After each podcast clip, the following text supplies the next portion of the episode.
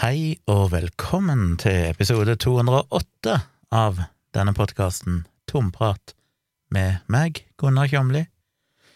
Jeg er tilbake fra ferie, tilbake til hverdagen sånn halvveis, og det er egentlig ganske deilig. Eh, I denne episoden så skal jeg snakke litt om noen bloggposter jeg har skrevet de siste, ja, siden sist jeg hadde en episode ute. Jeg har jo hatt ei drøy ukes ferie nå, eller pause, siden eh, jeg har vært vekke på ferie. Men jeg har blogga litt siden den gang. Én gang mens jeg var på ferie, og to ganger i dag, faktisk. Og jeg har mye jeg har lyst til å skrive om for tida, så jeg har ting liggende i kø her. Men eh, det kommer etter hvert. Og jeg, jeg snakker litt om det i podkasten her, for det er noen som setter pris på det. Noen liker at jeg gir en liten gjennomgang av det jeg skriver, for det er ikke alle syns det er like enkelt å lese mer eller mindre lange tekster. Og så har jeg også fått tilbakemeldinger fra folk som har savna at jeg er blogger fordi de kanskje har synsproblemer eller problemer med å Nei, det ble feil. Har hørselsproblemer. Og problemer med å høre podkast eller høre videoer jeg lager, og setter pris på at jeg skriver ting. Så en kombinasjon ser ut til å være optimalt. Og som vanlig så blir det jo en livestream tirsdag 6. juli på kvelden. Jeg vet ikke når du hører dette, men uh, i innlesende Nei, ikke lesende, det er ikke noe manus. I snakkende stund så er det altså i morgen, samme dag som denne podkasten kommer ut, tirsdag 6. juli. Da kjører jeg en livestream på kvelden. Det blir jo gøy, for det er en stund siden sist, så uh, det blir gøy å ta en uh, ny livestream, som dere finner inne på Tvilsomt med Tjomli på YouTube, eller bare søk på Tomprat live inne på YouTube, så finner du nok den. Den blir vel oppretta i løpet av morgendagen en gang, så den ligger klar. Og så kjører jeg samme streamen, den går òg ut på Facebook-sida mi, min egen Facebook-profil. Den går òg ut på Facebook-sida til bloggen som heter Saksynt. Gå gjerne inn på Facebook og søk opp Saksynt og følg den sida der. Så får dere alle de nye bloggpostene mine i feeden og alt annet som skjer. Og den går òg ut på Twitter-kontoen min, som er Civix, C-I-V-I-X, som dere òg gjerne må følge. Og den går òg ut på Twitch, og der tror jeg jeg heter Civix74, fordi Civix var opptatt, og 74 er fødselsåret mitt, originalt nok, så Civix74 på Twitch, men jeg anbefaler folk helst å se det på YouTube, for da får dere hele chatten, og ja, det er en eh, rikere opplevelse, generelt sett. Så det var reklamen. Um, jeg skal snakke litt om bloggpostene, men før jeg gjør det, så skal jeg ta en liten oppsummering av ferien. For det må jeg si var en uh, vellykka tur. Det var jo, hva blir det, ti dager? Fra forrige fredag og fram til i går, søndag. Og vi hadde jo en bil, leid en bil fra bilkollektivet som jeg er medlem av her i Oslo. Vi hadde sikra oss en litt større bil, en Toyota Rav 4, en SUV, SUV. Hvis du uttaler det på norsk, sier du SUV, eller sier du en SUV? Aner ikke. Men det var en god bil. Eh, komfortabel, romslig, god å kjøre. Så det funka fint. Jeg var jo som vanlig litt nervøs for å kjøre spesielt ut av Oslo, for vi måtte hente bilen opp med på Frogner, og på en måte manøvrere fra der og ut av byen, og det er liksom det er de få minuttene der som jeg syns er verst, for da er det lyskryss, og det er gangfelt, og det kan komme en trikk og buss, og det er så mye rart som jeg eh, ikke er veldig god trening i, ettersom mine kjøreår, som jo tross alt er, hva er det, 25 år omtrent, har stort sett vært på bygda, der vi slipper sånne ting, da det var litt enklere, så på tross av at jeg har hatt lappen lenge og kjørt mye, så eh, har jeg litt dårlig byerfaring. Men jeg hadde min eh, trofaste Tone, samboer Tone, som kartleser, og hun eh, hjalp meg og pekte ut der jeg skulle, og passet på at jeg kom meg på riktig sted, så det er bra. Så vi begynte jo med å kjøre til Kristiansand.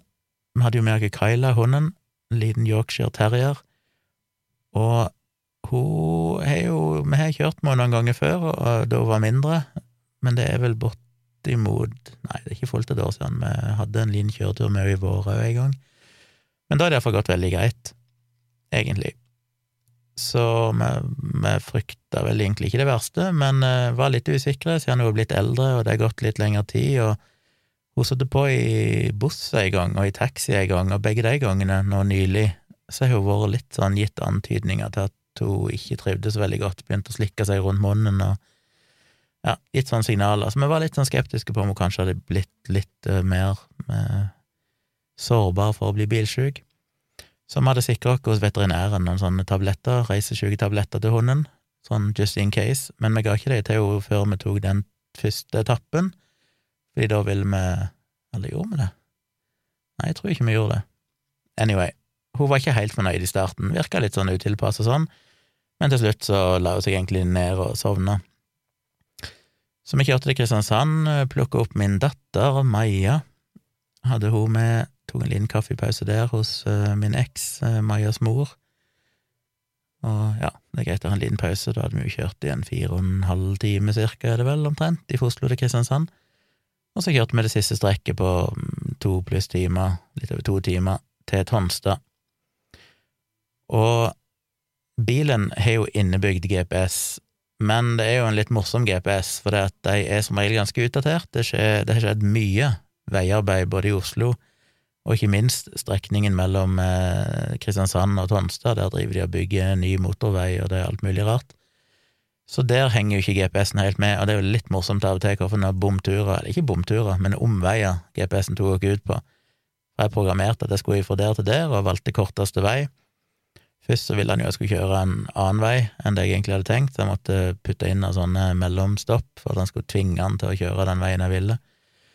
Men på tross av det så valgte han jo fortsatt å plutselig taket på noen sånne kjerreveier rundt her og der. Det skjedde iallfall et par ganger når vi var kommet lenger på turen, der vi kjørte på en eh, god, solid vei, og så plutselig sier GPS-en om 200 meter, ta til høyre. Og jeg bare ok. Tar til høyre, og der er det en smal kjerrevei med plass til akkurat én bil som gjenger rundt i skogen og opp og ned og på, gjennom noen gårder, ikke måte på, og så kommer vi ut igjen på samme veien som vi nettopp forlot.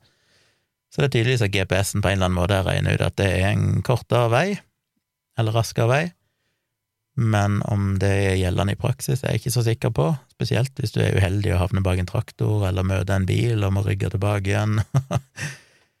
så litt sånn unødvendige omveier. Men eh, jeg har litt sånn, jeg vet ikke, jeg har et sånt prinsipp jeg om å, å følge GPS-en. Jeg tenker at uh, worst case så er det en opplevelse. Da får vi sett en vei som vi ellers ikke ville tatt. Det er viktig å, å ta litt av fra allfarvei av og til, og få noen nye opplevelser. Så det ga jo ikke noen eh, litt eh, ja, opplevelser utenom det vanlige å måtte kjøre disse rare omveiene av og til. Men ja, vi kom til Tonstad på fredag, og der koste vi oss. Fantastisk vær, og det hadde vi jo på hele turen. Det kunne jo ikke blitt bedre. Det var jo bare strålende sol basically hele tida. Nesten for varmt, men eh, ja, fryd og gammen.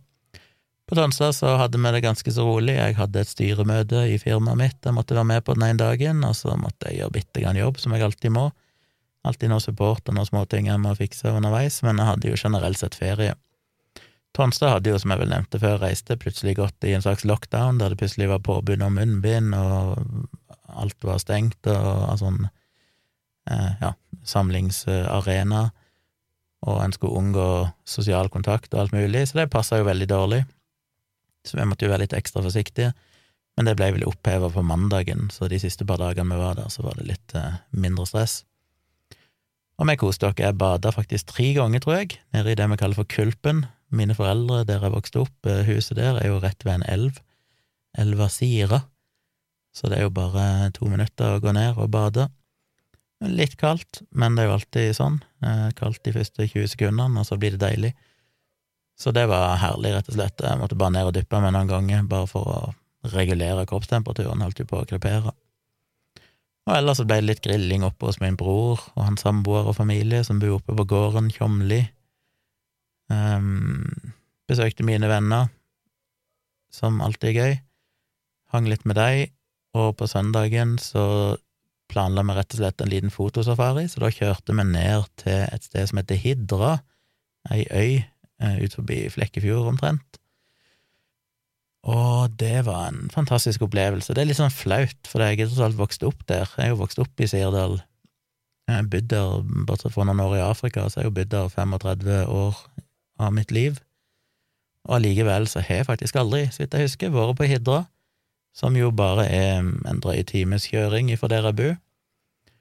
Så vi hadde med oss mine kompiser, og de viste vei, for de var kjent der. Må ta ei lita båtferje over, bilferje over. Eh, og så kom vi på øya, kjørte et lite stykke, og så gikk vi opp en plass som heter Hågåsen.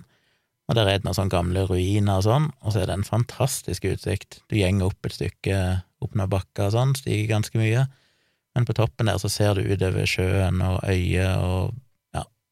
Og så hadde jeg jo tima det sånn ved hjelp av noen apper, sånn som jeg heter Foto, tima når begynner golden hour, når er det solnedgang, alt mulig sånn. Jeg var litt skeptisk, og det var helt klar himmel, men heldigvis, når vi kom der, så var det litt skyer i horisonten, og det ønsker jo en fotograf, og en helt blå himmel er kjedelig. Så litt skyer sånn, det skaper jo fine solnedganger og litt mer liv i bildene. Så jeg gikk jo bananas, sprang jo bare rundt der og tok bilder til den store gullmedaljen, og det var gøy. Og han kompisen min, han jobber jo med, med film, eller video, produserer mye video, reklamevideo og sånn. Så han hadde med seg kamera, han òg, og filma litt. Jeg vet ikke om han har lagt ut noe eller redigert noe av det ennå, men, eh, men ja. Så det var bare helt utrolig fint. Det var meg og Tone og Maja og de to vennene mine, som for øvrig òg er tremenningene mine, vel. Eh, Tjomli hele gjengen. Så det var en fin tur. Ellers så bare chilla vi an på Tonstad, stort sett. Så kjørte vi videre på onsdag, og da hadde vi òg en fantastisk etappe. Da kjørte vi opp over hele Sirdal, til topps, og ut av Sirdal, inn i Rogaland, mot eh, Lysebotn. Og det er òg en tur jeg ikke har tatt ofte. Jeg tror kanskje bare jeg har kjørt der én, kanskje to ganger, eller sånn, men det er sikkert nesten 30 år siden. Og Lysebotn er jo kjent, for det er litt sånn Trollstien-aktig, altså det er en sånn ekstremt sikksakk vei som går ganske langt ned. Jeg vet ikke hvor mye høydefall det er, men det er noen hundre meter, så du bare kjører i sånne ekstreme Hornhalsvinger fram og tilbake og fram og tilbake i en halvtime helt til du er nede på bånn i Lysebotn, som jo er et knøttlite sted, og du basically veien fører jo bare rett fram til ei ferje, omtrent.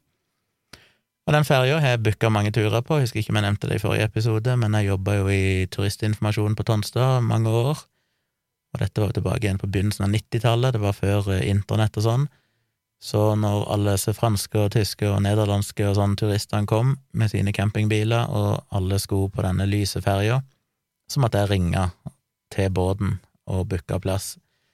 Så jeg føler halve da sommeren mine gikk med til å sitte i telefonen og snakke med ferja og si at det kommer en bil, registreringsnummer sånn og sånn, bla, bla, bla, de skal ha plass. For det gikk ikke an å bestille noe på internett og sånn i den tida. Så jeg har booka ekstremt mye turer på den ferja, men aldri reist den sjøl.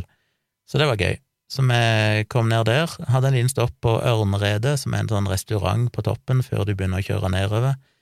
Og den har jeg faktisk heller aldri vært på, selv om det er en av liksom severdighetene i Sirdal. Så har jeg faktisk aldri vært der. Det er litt flaut, men nå fikk jeg endelig se Ørneredet, og eh, dessverre så var den stengt, så vi fikk ikke gått inn i restauranten og ut på balkongen på andre sida, som på en måte henger utover en fjellknaus, der det er, vet ikke hvor mange hundre meter rett ned det er, eh, men du ser utover Lysefjorden. Så det fikk vi ikke, men du kunne bare gå liksom så vidt litt ut på kanten på sidene, og da var det ikke så god utsikt, så det var litt dumt. Men uansett, skal, der vil jeg jo tilbake en gang der er åpent, dra med meg Tone og kanskje Maja, og kanskje spise en middag eller et eller annet og ha fin utsikt, vi får se. Så var det jo turen på båten, som òg var helt fantastisk. Det var jo bare som sagt strålende vær, eh, det er jo en fantastisk tur, anbefales definitivt til folk der ute hvis dere vil ha dere en sommerferie i Norge. Enten nå i sommer eller en seinere sommer. Kjøre til Lysebotn, eller kanskje motsatt vei kan være aktuelt for mange, det vil si kjøre til Lauvik eller Forsand eller en av de plassene båten stopper i andre enden, altså, som ligger ganske nærme Sandnes og Stavanger. Og så ta motsatt vei inn til Lysebotn, og så kjøre opp disse Hornålssvingene og gjennom Sirdal og der dere måtte ønske å ende opp en. Utrolig fin båttur. Tok vel ja, Nå blander jeg kanskje litt, men jeg tror den òg tok cirka Jeg tror jeg tok bortimot to timer, noe sånt. Eller var det to og en halv time? Jeg husker ikke helt. Men veldig rolig og chill, og det var lite folk, for det er jo faktisk ikke vært så mye turister. Det var veldig fint. På grunn av eh, pandemi og alt mulig, så har det vært en ganske rolig tur, der det ikke har vært så mye folk de plassene vi har vært. Og det har jo vært helt perfekt. Jeg var jo igjen nervøs for det med å kjøre inn på ferja og sånn. Det er sånn jeg får katastrofetanker om sånn å, shit, tenk om jeg setter meg fast, eller bulker en annen bil, eller tenk om det er trangt, og jeg kjører i en bil jeg ikke kjenner så godt, og, å. Men det var ikke så mye biler, og det gikk jo veldig greit. Så vi kjøpte dere litt mat der, og jeg sto, sprang fram og tilbake på den ferja og tok bilder opp langs eh, fjell, fjellene på hver side i fjorden. Og det er jo vannfall som kommer ned fjellsidene, og du kunne se Kjæragbolten. Dere har kanskje hørt om Kjærag, noen av dere, som er en populær plass å gå, og oppe på Kjærag, der det vel er ca. en kilometer fritt fall, det er omtrent 1000 meter fra toppen her og bare rett ned i Lysefjorden, så det er jo mye basehoppere og sånn som hopper ut forbi der.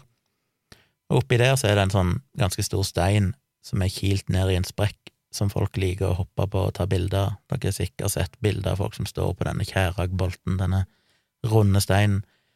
Og den kunne du se ifra ferja, selv om da var det jo bare en bitte liten prikk omtrent, men det var litt kult å se den ifra havet.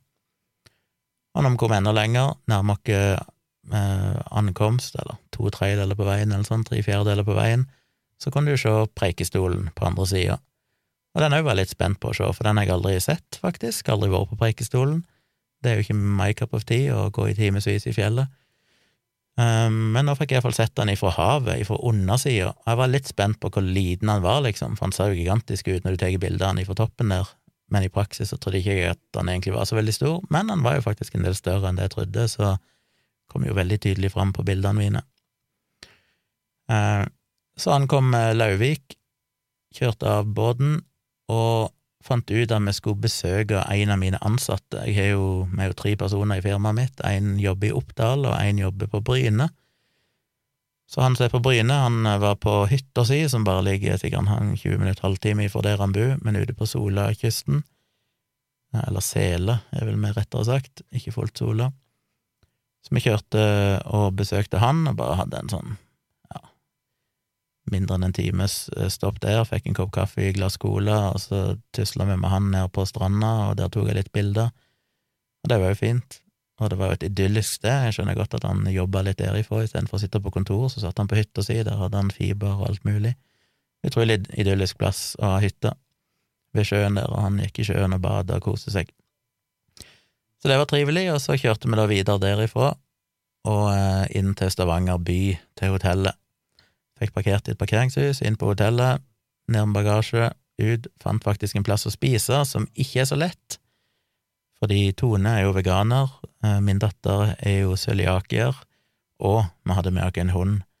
Så det er liksom tre problemer som må løses. Vi finner en plass som er glutenfri mat, en plass som er vegansk, eller iallfall vegetarisk mat, og i tillegg akseptere at vi har med oss en liten hund.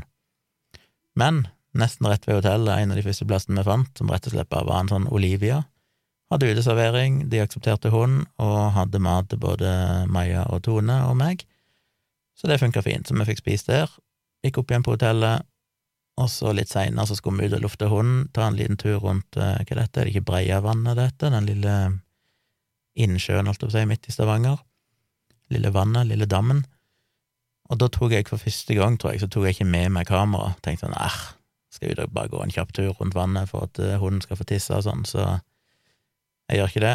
Og da var det jo selvfølgelig den foto-opportunityen, for det var blodrød solnedgang, og du har en fontene midt i dammen der, og jeg angrer jo så på at jeg ikke hadde med kamera og kunne stått og tatt bilde av fontenen over vannet i solnedgangen. Så ble ikke noe av det. Ble noen mobilbilder istedenfor på iPhone. Et av de la ut på Instagrammen min, som òg for øvrig er Civix, C-I-V-I-X, som dere gjerne må følge.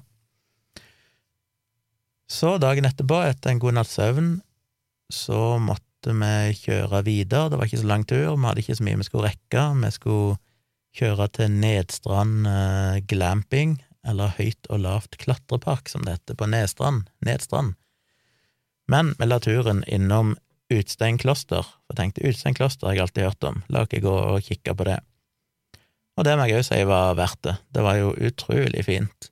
Og igjen, strålende vær, fantastisk dag, eh, ikke altfor mye folk, eh, gikk jo bare rundt på utsida der, rundt klosteret, i de fantastiske, store, gamle trærne som står der. Og jeg tok en del bilder, og eh, var rett og slett bare idyllisk, en fin liten stopp. Så kjørte vi videre, kom oss til Nedstrand camping til slutt, eller glamping, Der vi hadde booka oss et sånn glampingtelt, altså glamorous camping. En eh, campingopplevelse, men litt mer eh, behagelig. Så det er jo sånn stort, nesten som en lavvo omtrent, men eh, ja, et sånn femmannstelt eh, med fire senger, kanskje litt motstridende. Firemannstelt da, kanskje. Egentlig et eh, ti-tolvmannstelt, men med senger i så blir det jo litt mindre plass. Og en terrasse på utsida der det var bålpanne og utemøbler og sånn. Som vi hadde handla med oss litt grillmat og tennvæske og alt mulig, men i beskrivelsen, og dette er sånn kjepphest jeg har, jeg blir irritert på plasser som ikke har en tydelig og presis beskrivelse av hva du trenger og ikke trenger. For det er litt dårlig informasjon. De skriver jo at ja, det er bålpanne, men du må sjøl ta med tennvæske, grillmat, bestikk, fyrstikker.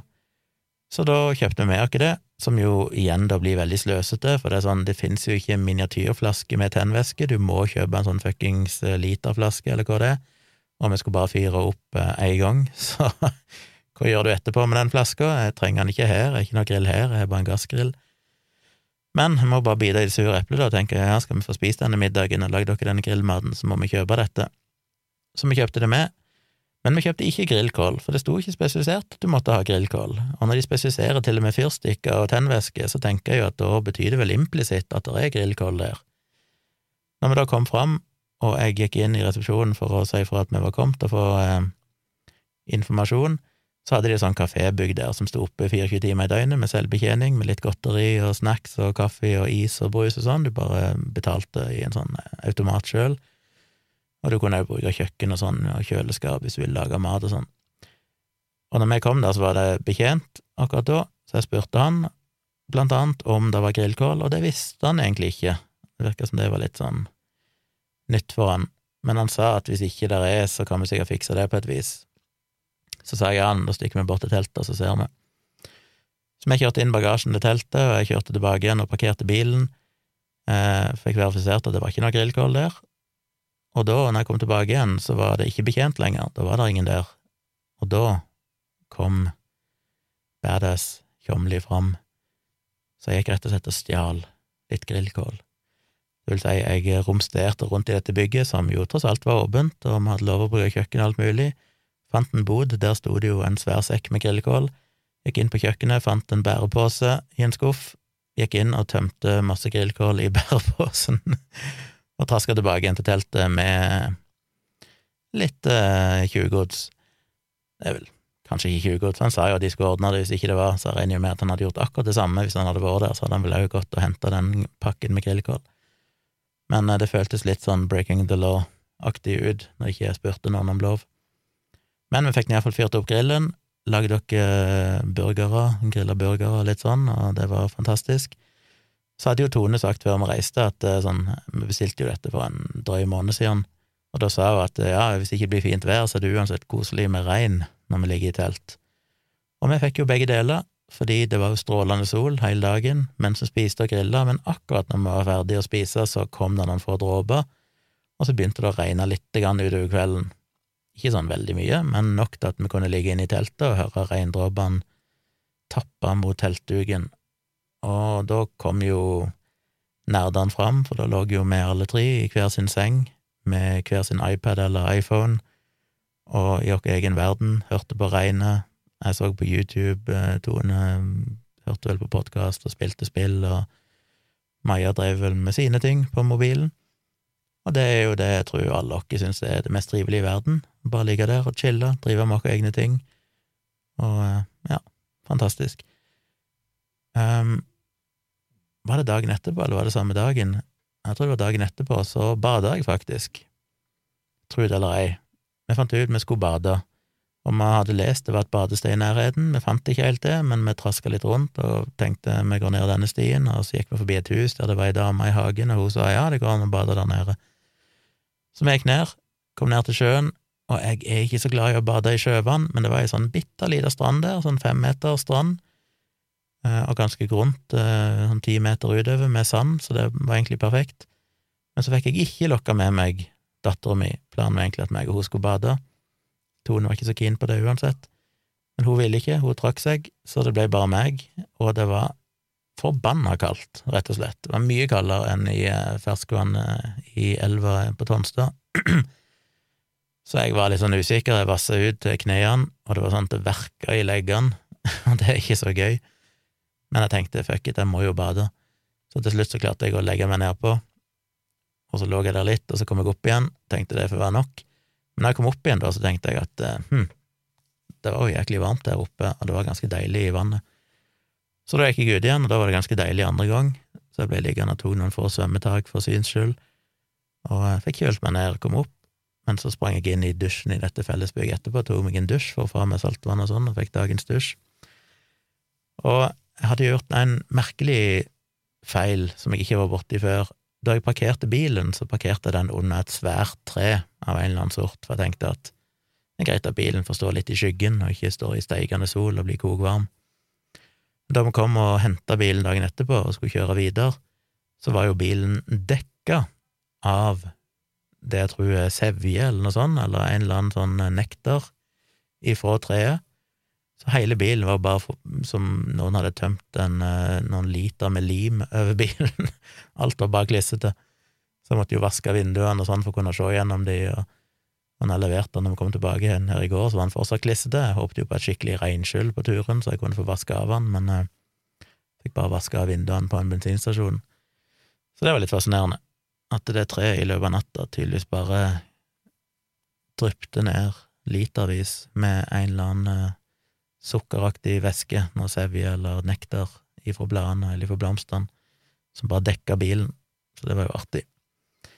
Men derifra så kjørte vi jo videre til Bergen. Det var vel ei ferje på veien der òg, som alltid var litt sånn uventa, for det kom ikke så tydelig fram ifra Google eller noen ting, men plutselig oi, der er det ei ferje, ok. Så da var det en ny, ganske lang ferjetur, som var hyggelig nok, for så vidt. Og så kjørte vi til Bergen, og der eh, sjekka vi inn på et hotell, og så gikk vi ut og møtte min eh, venninne, min og Tones venninne Cecilie, som er fotograf, som jeg jo var assistentfotograf for ved et par bryllup i Bergen de to siste årene. Og hun har vi ikke fått sett på ei stund, på grunn av pandemi og sånn, så vi møtte hun og gikk ut og skulle spise, og så tenkte vi vi har lyst på en asiatisk mat, sushi eller noe sånt, hadde vært godt. Og så, så hadde vi lagt merke til, for vi hadde hatt en liten runde rundt og kikka i Bergen tidligere på dagen, jeg har vært i Bergen mange ganger, Tone har vært der én gang, to ganger eller noe sånt, Maja har ikke vært der før. Så vi gikk rundt og kikka litt, og da la vi merke til at de hadde, jeg tror de heter Sumo restaurant, som er en sånn asiatisk eh, restaurant, og det har de jo nylig åpna her nede på i Oslobukta òg, bak operaen der, mellom operaen og Sørenga cirka, eh, som nylig åpna, og det har vi jo tenkt at shit, den så jo fancy og fin ut, den må vi gå og sjekke ut. Og det hadde de plutselig i Bergen òg, så vi tenkte der går vi, men vi må finne ut om de slipper inn hunden. Så vi gikk inn, dette var jo den fredag kveld vel kom til nå, så det var jo en litt travel kveld, og de slapp ikke inn hund, selv om de hadde en sånn uteservering, men den uteserveringa er jo på en måte glassa inn, så den er jo sånn halvveis inne ute. De tok ikke hund, og de var uansett fullbooka. Så da ble vi stående på utsida der og googla og tenke sånn, ja, vi må finne en annen plass med asiatisk mat her i Oslo, og som òg helst er uteservering, der det er sjanse å kunne ha med seg hund.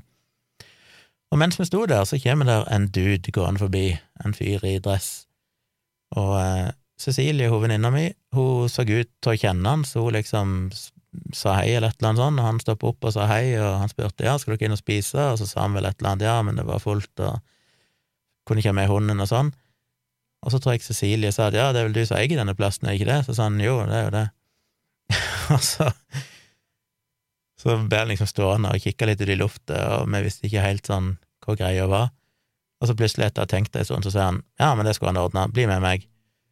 Og så drog han oss jammen med opp i andre etasje, opp i et møterom, som var litt sånn halvshabby, oppe ei støvete trapp der de drev med noe ombygging, og eh, det hadde et kontor eller to der oppe, og tydeligvis litt sånn ansatt kjøkken og sånn.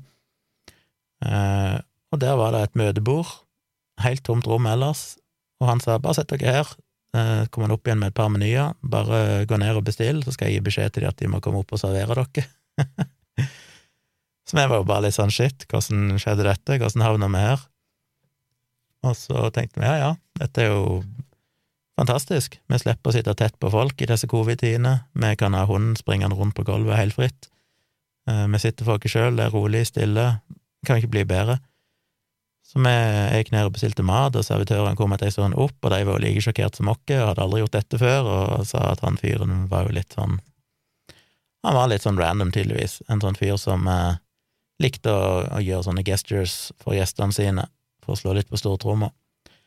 Og det setter vi jo definitivt pris på. Så vi, holdt jeg på å si, spurte hva vi kunne gjøre i gjengjeld, og han var liksom bare sånn nei, bare bestill dessert òg, det er bra, det fortjener dere. Så vi gjorde det, vi bestilte mat, og den maten var veldig god, rett og slett.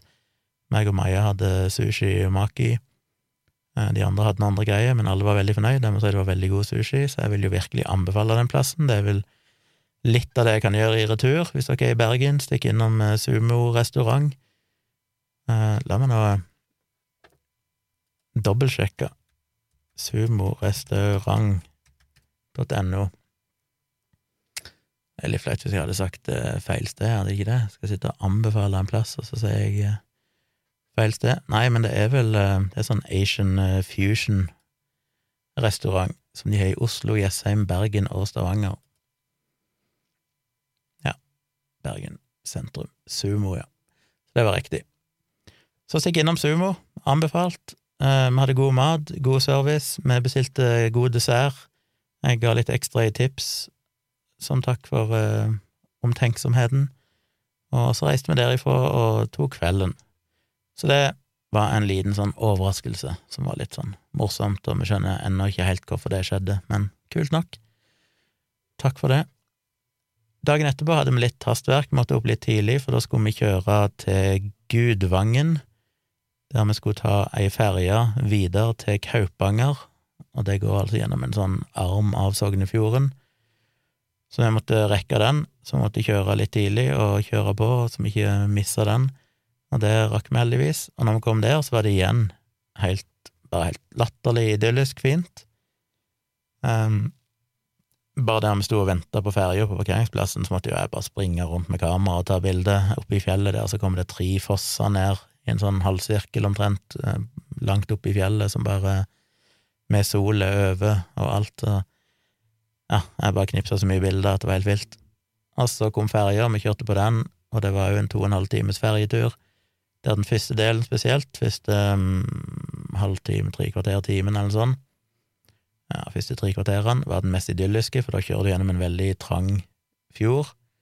Visstnok den trangeste fjorden eller sånn i Norge, var det noen som nevnte, jeg vet ikke om det stemmer, men men igjen, der det bare er sånne bratte kanter rett opp på hver side, og det renner fossefall ned overalt, og det er noen små gårder rundt forbi eh, i skråningene der, og ja, bare utrolig idyllisk, og igjen fantastisk vær. Så jeg tok masse bilder. Jeg kjøpte noe mat og sånn, og spiste, og ja, så kom vi fram til Kaupanger, kjørte og fant eh, neste overnattingssted, som var en plass som heter Vesterland eh, feriepark, noe sånt, der vi hadde booka ei hytte der det var lov å ha hund. Og det var jo helt fantastisk. Gikk inn der, fikk nøkkel, de hadde svømmebasseng, golfsimulator, eh, lekepark for unger, restaurant, alt mulig rart. Så vi sjekket inn på hytta, som var fantastisk. Eh, ikke at hytta var så fantastisk, den var ganske standard, men eh, mer enn god nok. Men han hadde to soverom, og det satte jo dattera mi veldig pris på, for endelig så fikk hun sitt eget rom på turen, for tidligere så hadde vi jo alle sovet enten på alle tre på samme hotellrom eller i telt så her fikk hun sitt eget rom, og det koste hun seg med, så hun evakuerte inn der og lå og koste seg. Og vi hadde kjøpt med litt mat på butikken, og laksefilet og sånn, og pommes frites, så jeg lagde middag eh, sammen med Tone, og vi spiste, og vi ja, gjorde vi noe mer? Husker ikke. Vi hadde vel en liten sightseeing, for det er en stavkirke der òg, så vi kjørte tilbake igjen der vi kom med båten omtrent, og kikka litt og tok litt bilder av den stavkirka. Så igjen, idyllisk, fantastisk fint.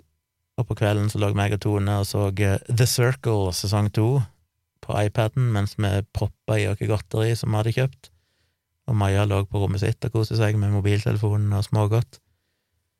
Så det var bare utrolig fint, det òg. Det er en sånn plass jeg kunne tenkt meg å reise tilbake igjen til. Det er jo en nesten fem timers kjøring fra Oslo, så det er jo et stykke, men det er litt sånn shit. Det er gøy å ha fått litt erfaring med sånne plasser. Hvis jeg noen gang finner ut at hei, skal vi reise på en tur med en kompis av en eller annen plass, så kunne jeg gjerne tenkt meg å hoppe i bilen og kjørt opp til Vesterland feriepark og bare hengt der noen dager. Vi fikk ikke benytte oss av bassenget, jeg hadde egentlig tenkt det, men eh, Maja hadde ikke så lyst, så da ble det ikke noe av det heller, så det ble ikke noe bading der. Men eh, det må jeg kanskje gjøre hvis jeg noen gang skal tilbake igjen der, for det frister litt med svømmebasseng. Og så siste dagen så måtte vi òg opp, ikke tidlig, men måtte jeg få komme av gårde tidsnok, for da hadde jeg bilen fram til seks før jeg måtte parkere den tilbake igjen i Oslo. Men vi var jo ute i god tid, vi var vel framme i firetida. Så det var jo en utrolig fin kjøretur, bare den siste turen gjennom Hemsedal, Gol, plasser jeg aldri har vært, bare hørt om, men bare helt fantastisk natur. Jeg måtte stoppe et par plasser og ta bilder der òg. Og vi kom fram igjen uten at jeg krasja eller eh, drepte dere, og det er jo alltid en bonus. Jeg har jo alltid katastrofetanker når jeg skal ut og kjøre, bare tenker på alt det gale som kan skje, men eh, det gikk bra. Så oppsummert, virkelig anbefaler en bilferie i Norge. Um, gjerne den ruta vi tok, hvis noen har lyst til å kjøre samme ruta. Det ble vel en 800-900 kilometer totalt. Men du får ferjetur, og du får fjordtur, og det var liksom telt, det var hytte, det var hoteller, det var by. Det var fantastisk natur, det var liksom bare alt, så helt utrolig fint, rett og slett, og jeg tror alle var veldig fornøyd. Og samtidig så var det helt fantastisk å komme tilbake igjen komme inn i leiligheten sin etter å være vekke i ti dager. Jeg er jo litt sånn, jeg elsker å reise, men jeg elsker å komme hjem igjen òg. Og bare komme inn på kontoret her, til datamaskinen min, med god internett og fryd og gammen. Så det var en liten oppsummering av turen. Jeg tror jeg har fått med meg de viktigste tingene. Vet ikke hvor interessant det var, men jeg måtte bare få det av hjertet mitt, så slipper jeg å snakke mer om det. Så over til noe av litt mer substans, og det er rett og slett mine siste bloggposter. Skal vi se om jeg finner fram dem, hvor har jeg gjemt uh, dem igjen der? Da jeg var på Tonstad, så uh, Nei, det var ikke på Tonstad, det var når vi var på vei til Stavanger. Var det vel? Nei, Bergen var det. Når vi var på vei til Bergen, så begynte jeg plutselig å få meldinger fra flere folk at oi, har dere sett denne her teksten, eller denne bloggposten? skrevet av en fylkespolitiker fra MDG som heter Susanne Hart, som for øvrig er et veldig fint navn, må jeg si, Susanne Hart. Jeg syns Susanne er et fint navn, og Hart er jo kult, så kudos for det, Susanne. Fylkespolitiker i Rogaland, som hadde skrevet en tekst der hun advarte, eller mente vi burde pause vaksineringa i Norge mot covid, fordi hun mente at det ikke nødvendigvis var godt nok studert hvilke konsekvenser vaksinen kunne ha, og hun baserte egentlig det da på en fagkveldvurdert, publisert artikkel som viste, hevda de, at eh, det var faktisk eh, større risiko å bli vaksinert enn å ikke bli det. Den eh, skal ikke gå veldig inn i detalj i dette, skal bare ta det veldig kjapt, dere kan lese bloggposten, men den, det er en sånn ting som jeg blir tipsa om noe sånt, og jeg allerede vet hva svaret er, fordi at jeg kjenner den saken før jeg så den artikkelen hennes, så bare klødde det jo så i bloggefingrene mine. Det sånn, åh. Så jeg brukte en liten time på hotellrommet i Bergen, bare veldig kjapt, og det er alltid litt skummelt å gjøre det så kjapt, for da er jeg litt sånn redd for å overse et eller annet eller drite meg ut, men det gikk ganske kjapt å skrive den bloggposten, og jeg viste egentlig bare til at allerede før hun skrev denne bloggposten sin, så var jo denne artikkelen merka med en sånn eh, ja, Hva heter det nå igjen? Merka med en expression of concern, der dette tidsskriftet som publiserte artikkelen, skriver Serious concerns have been raised about misinterpretation of the data and the conclusions. Og samme dagen som hun publiserte bloggposten, eller var det dagen etterpå, så ble jo hele artikkelen, forskningsartikkelen, trukket tilbake igjen. Det kunne selvfølgelig ikke hun vite når hun skrev den, men hun kunne visst at det var merka allerede når hun skrev sin tekst, var den merka med at dette er konklusjoner som ser ut til å muligens ikke være helt holdbare. Allikevel så mente hun det var godt nok at hun gikk ut med en sånn oppfordring til statsministeren om å pause vaksineringa.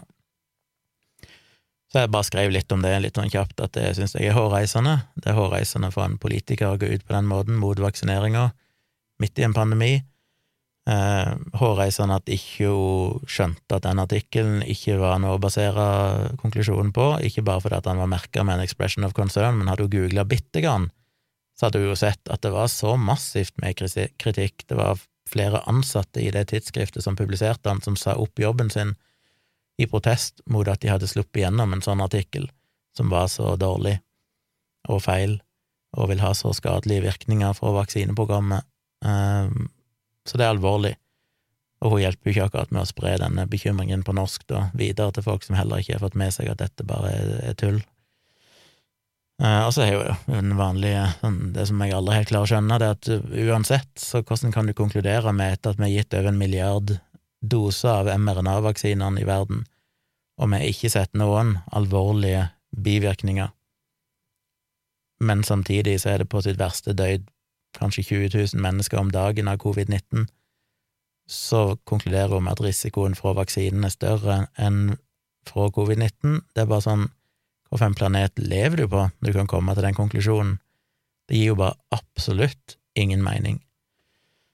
Så jeg skrev ned for litt om det. Hun trakk jo også fram han dr. Robert Malone, som jeg har blogga om tidligere, han som blir hevda å være oppfinneren av mRNA-vaksinen som jo er en sannhet med modifikasjoner. Han var nok en av de første, kanskje den første, som klekka ut ideen om at du kunne bruke mRNA til å få våre egne celler til å produsere antigener som eh, immunforsvaret vårt kan trene seg på. Som en genial idé, og fantastisk, og all ære for det, men det var jo tilbake på 80-tallet og litt ut på 90-tallet. Han har jo ikke hatt noen ting å gjøre med de faktiske vaksinene som er utvikla. Så det er jo helt sånn merkelig, det er jo en sånn logisk tankefeil jeg ikke helt skjønner, med at én person som ikke har vært aktiv på dette feltet på 20-30 år, ikke har hatt noen ting med de faktiske vaksinene å gjøre, blir da brukt som den sånn absolutte sannheten eh, innenfor dette temaet, mens alle de tusenvis av forskerne som faktisk har jobba med vaksinene, som har publisert studier, som kjenner den teknologien i detalj, og som da mener at vaksinen er trygg, skal du da ikke høre på? Det, det, skjønner jeg bare aldri. Det er en sånn barnslig måte å tenke på, den ideen om at du finner én person som du erklærer som den absolutte autoritet, og hver gang noen gjør det, så er det alltid en person som egentlig ikke er noen autoritet. De har kanskje vært det for 30 år siden, men har ikke egentlig noen relevans for det vi diskuterer i dag. Så jeg skrev jo bare bitte grann om det, og bare viste til den bloggposten jeg hadde om uh, Brett Weinstein og Malone og Gitch uh, Kirsch, mener jeg, som uh, jeg blogga om her før jeg reiste på ferie. Så det var en kjapp, liten bloggpost, men den ble jo mye lest. Eh, selvfølgelig litt sånn irriterende, syns jeg, som vanlig, det er ikke akkurat første gang det skjer, men når da media begynner å dekke den saken et par dager seinere, plutselig så dukker det opp i VG og sånn, så er det jo ingen som nevner min bloggpost, selv om jeg skrev om det lenge før deg. Men det er jo sånn det alltid er med media, og en av grunnene til at jeg ikke syns det er så veldig kult med norske medier. Fordi journalister har ingen respekt for liksom at vi som driver og blogger, og jeg som i 15 år så drevet og faktasjekka VG og Dagbladet og andre, påpekt alle feil de har gjort, og, og sånn. Kanskje ikke så populært, um, men det er akkurat som at de ser ikke på dette som uh, viktig. Det at jeg skriver en sånn bloggpost, eller jeg har skrevet mange tekster tidligere, lenge før avisene kom med det, og når de da endelig reagerer, så så nevner de ikke det med et ord, at jeg faktisk var ute tidligere enn deg med akkurat de samme poengene. Faktisk.no er derimot vært gode til det. De to gangene jeg har skrevet mm, lange bloggposter om ting som de senere da har skrevet om, så er de faktisk begge gangene lenka til bloggen min og sagt at jeg allerede har blogga om det. Og det setter jeg veldig pris på. Jeg syns det, det, er hyggelig at de kan gi en sånn liten en liten sånn nod, uh, lite nikk, til at de faktisk ikke var først ute. Så litt sånn irriterende at jeg kommer til å ta æren for det på et vis etterpå, når jeg allerede har skrevet om det. Men anyway.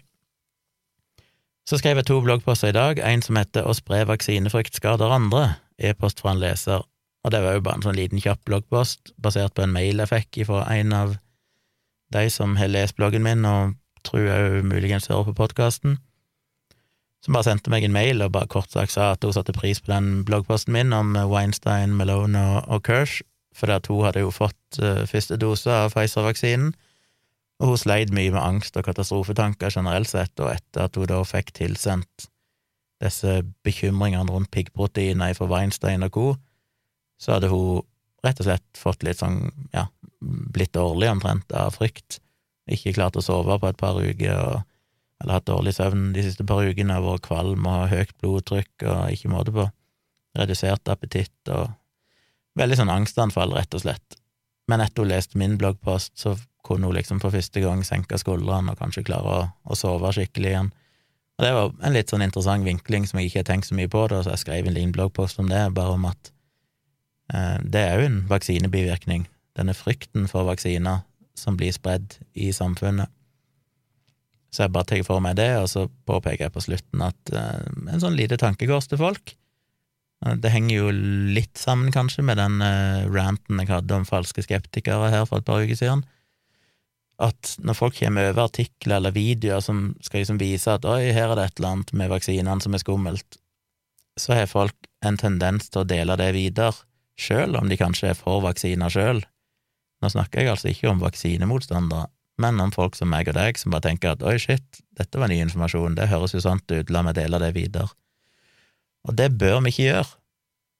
Eh, mange vil kanskje hevde at jo, men det er viktig med debatt og sånn. Ja, det er det, men debatt må alltid være basert på ting som faktisk er sant. Det blir ikke en konstruktiv debatt og informativ debatt når det faktisk er vårs som blir delt. Så jeg tror mange òg har, og inklusiv meg sjøl, eh, folk har jo lyst til å være først ute med noe i tilfelle det viser seg å være sant seinere. Så er vi litt sånn trigger-happy på den eh, deleknappen. Og det må vi være forsiktige med, ikke bare fordi det bidrar til å spre feil informasjon, men òg fordi, som i dette tilfellet, det faktisk påfører folk frykt og angst.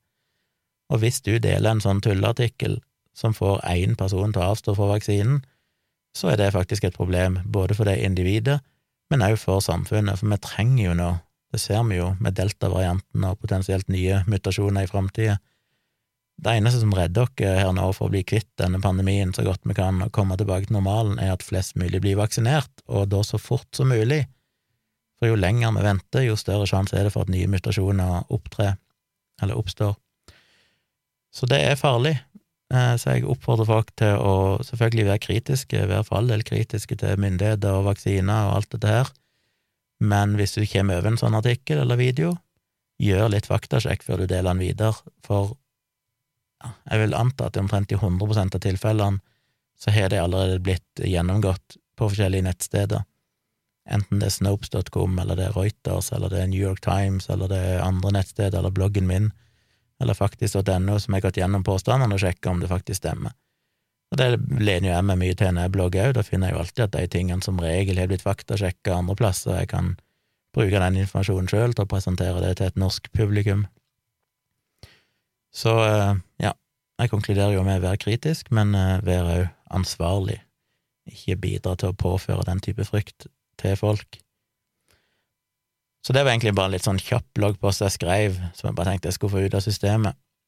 Men like etter jeg hadde posta den, så dukka det opp en ny artikkel i Facebook-feeden min ifra Nettavisen, der samfunnsviter og forfatter Miriam Ekelund skriver at det at Norge nå har donert nesten en halv million doser med AstraZeneca-vaksinen til tre fattige land, Nicaragua, Haiti og Uganda, er rasisme forkledd som godhet. Og hennes argument er jo at dette på en måte er en slags annenrangsvaksine. Det er en vaksine vi ikke vil bruke i Norge fordi risikoen var for høy, men allikevel så sender vi den da til fattigere land, og det er en slags sånn rasisme, mener hun. Og hun prøver jo da å underbygge det basert på statistikk, der hun tar dødstallene i Norge og finner ut hvor stor andel av den totale befolkningen det utgjør, og finner da ut at 0,015% av befolkningen i Norge har dødd av covid-19, mens i Uganda, ifølge statistikk fra Verdens helseorganisasjon, så er det bare 0,0016, altså omtrent ti ganger færre, som er døyd i Uganda. Så hvis risikoanalysen til Folkehelseinstituttet tilsa at eh, det var for, liten, nei, for stor risiko ved vaksinen i Norge sammenlignet med risikoen for covid-19, så måtte jo iallfall det gjelde for Uganda, så hvorfor i all verden kunne vi sende den vaksinen til Uganda? Problemet med det resonnementet er jo mange. Um, jeg må jo først si, som jeg skriver i bloggposten, at jeg har jo sympati for poenget hennes. Jeg syns jo òg det er en slags, kanskje en slags rasisme eh, Rasisme er kanskje feil ord, men det er ikke noen tvil om at vi står oss sjøl nærmest, naturlig nok. Og jeg syns jo òg det er en, en grotesk feilfordeling av vaksiner i verden. Jeg har jo snakka om det tidligere, at uh, det beste hadde jo vært at vi først vaksinerte risikogrupper i alle land og så gikk videre nedover i alderen. Ikke at vi først vaksinerer risikogruppene i Norge og den vestlige verden, og så helt ned til barn og unge, og så, til slutt, så skal vi få lov å ris vaksinere risikogrupper i fattige land. Det er jo både usolidarisk, og ikke minst så øker det jo risikoen for oss alle for nettopp dette med nye mutasjoner og så videre. Så jeg er jo enig i at ja, det er problematisk, men argumentet hennes henger allikevel ikke på greip, fordi tallene hun bruker, blir jo fullstendig feil. Hun tar jo de offisielle dødstallene i Uganda, som jo på ingen slags måte er korrekte. Uh, hun, uh, det er sannsynligvis en enorm underrapportering i disse lavinntektslandene av både smitte og dødsfall, fordi de tester jo ekstremt mye mindre enn noe.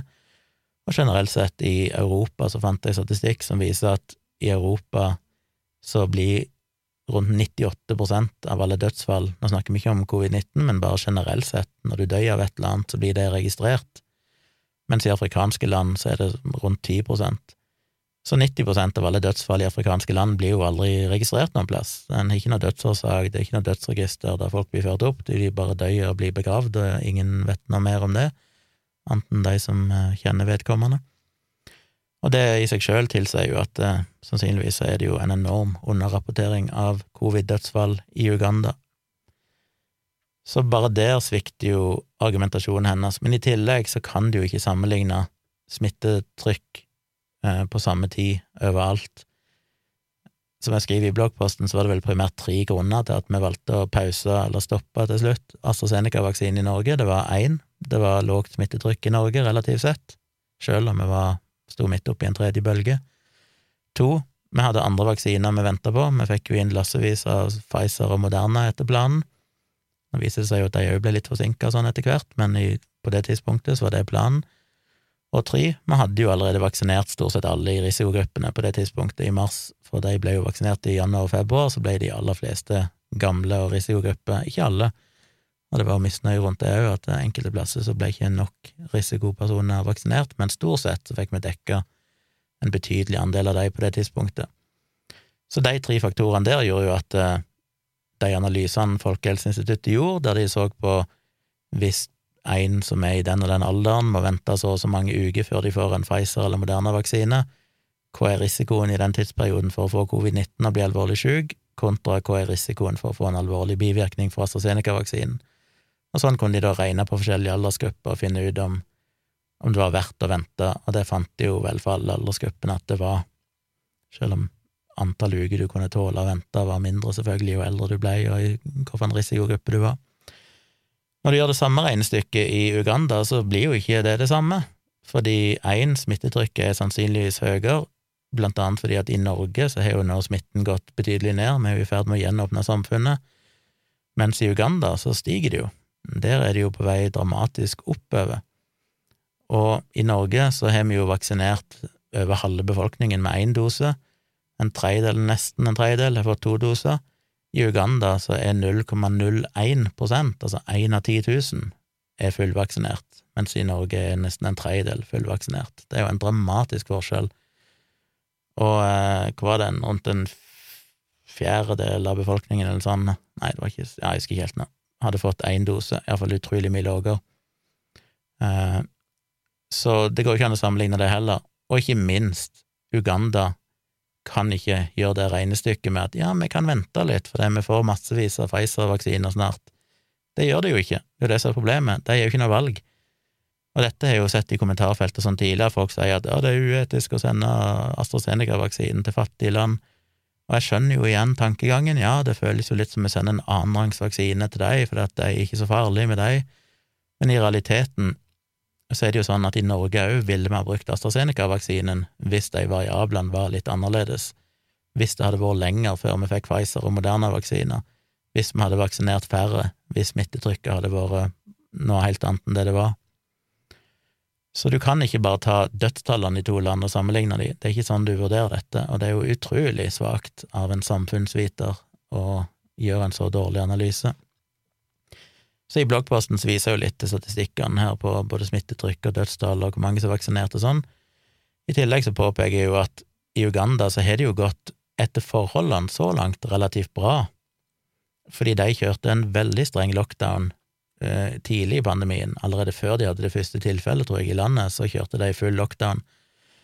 Men de har jo gått mye lenger enn Norge, de har jo hatt portforbud, og de har total innreise- og utreiseforbud av landet og alt mulig sånn. Og det er klart, det kan du heller ikke sammenligne med Norge, for Norge har hatt mildere tiltak, men vi er òg en økonomi og et land som gjør at til og med de som er blitt permittert og alt mulig sånn, har muligheten til å få dagpenger ifra Nav. Eh, det er ingen her som går og sulter i hjel fordi vi ikke får inntekter. I Uganda så er rundt halve befolkningen har ingen sparepenger. Det de får i lønn en måned, bruker de til å overleve. De lever fra hånd til munn. I Uganda, som jeg òg har snakka om tidligere i livestream og podkast, jeg har jo en kenyansk venn som har fortalt meg de samme tingene, at der blir jo folk banka opp av sikkerhetsvakter og politi hvis de går ut, fordi det er portforbud etter et visst tidspunkt, men samtidig så er dette folk som kanskje trenger mat til familien sin, de, de skal overleve, og så er konsekvensen at de blir banka opp av politiet hvis de går ut, men alternativet er at de kanskje kreperer av fattigdom og sult. Så det er jo en, en håpløs situasjon. Det er jo kvinner i Uganda som har døyd mens de føder fordi de reiserestriksjonene gjorde at de ikke kom seg til sykehus. Og...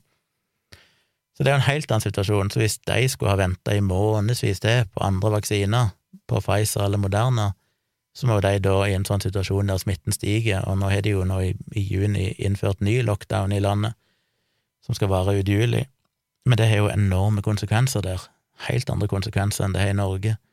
Så det er jo en, en grunn til at du kan ikke sammenligne Norge og Uganda når du snakker om hva, hva, er, hva er risikoanalysen for en vaksine. Når situasjonen er sånn som den er i Uganda, så vil en ganske stor risiko for bivirkninger fra AstraZeneca er fortsatt akseptabelt, fordi alternativet er så mye verre.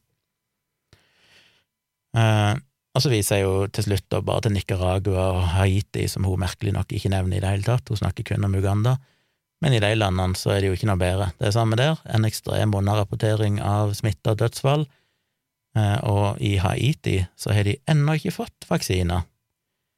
I eh, Nicaragua så er det noen få som er vaksinert, mens i Haiti så er det ingen.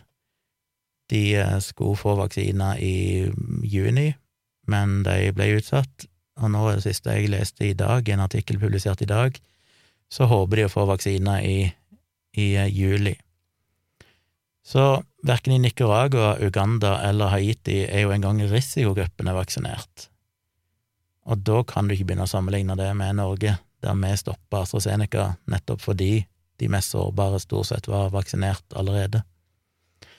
Så en eh, håpløs analyse. Og så er det klart at grunnen til at vi gir vaksiner til disse tre landene, er ikke fordi Norge har pekt ut de tre landene og sagt at de skal vi gi vaksiner til. Nei, dette er jo en del av dette Covax-vaksinesamarbeidet, som heter europeisk eller EU-samarbeid, uh, der vi, Norge er med, og gjennom dem så blir vaksiner da tildelt land, lavinntektsland som har dårlig tilgang på vaksiner. Så så vidt jeg vet, så vidt jeg kan forstå, så har vel ikke Norge hatt noen finger med i spillet på akkurat hvilke land som skal få vaksiner. Eh, forskjellige europeiske land ender opp med å donere vaksiner til land som trenger det mest. Og Norge har jo gitt vaksine allerede til Kosovo, blant annet. De fikk jo 182 000 doser eller noe sånt av AstraZeneca-vaksinen for ikke så lenge siden fra Norge. Så dette er jo ikke rasisme, dette handler ikke om at vi gir til disse fattige landene i Afrika og Mellom-Amerika fordi det ligger en slags sånn eh, rasistisk tanke bak det, som hun insinuerer. Og vi har jo òg, ikke minst, da Norge stoppa AstraZeneca, eller pausene, så lånte jo vi vekk noen hundre tusen doser til både Sverige og Island, som fortsatt ville bruke den vaksinen. Så det er så mange ting som gjør at eh, hele argumentet hennes ikke henger på greip, at det er litt sånn vondt.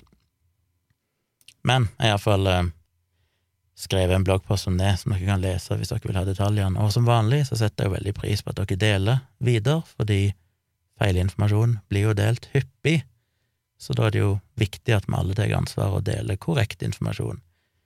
Og hvis jeg har gjort, skrevet eller sagt noe som er feil, så setter jeg jo pris på tilbakemelding om det. Det går an å bruke kontaktskjema inne på bloggen min, eller du kan sende meg mail på tompratpodkast at gmail.com hvis du har feedback å gi, setter jeg pris på det, ellers er det jo kommentarfelt under bloggpostene der det òg går an å skrive.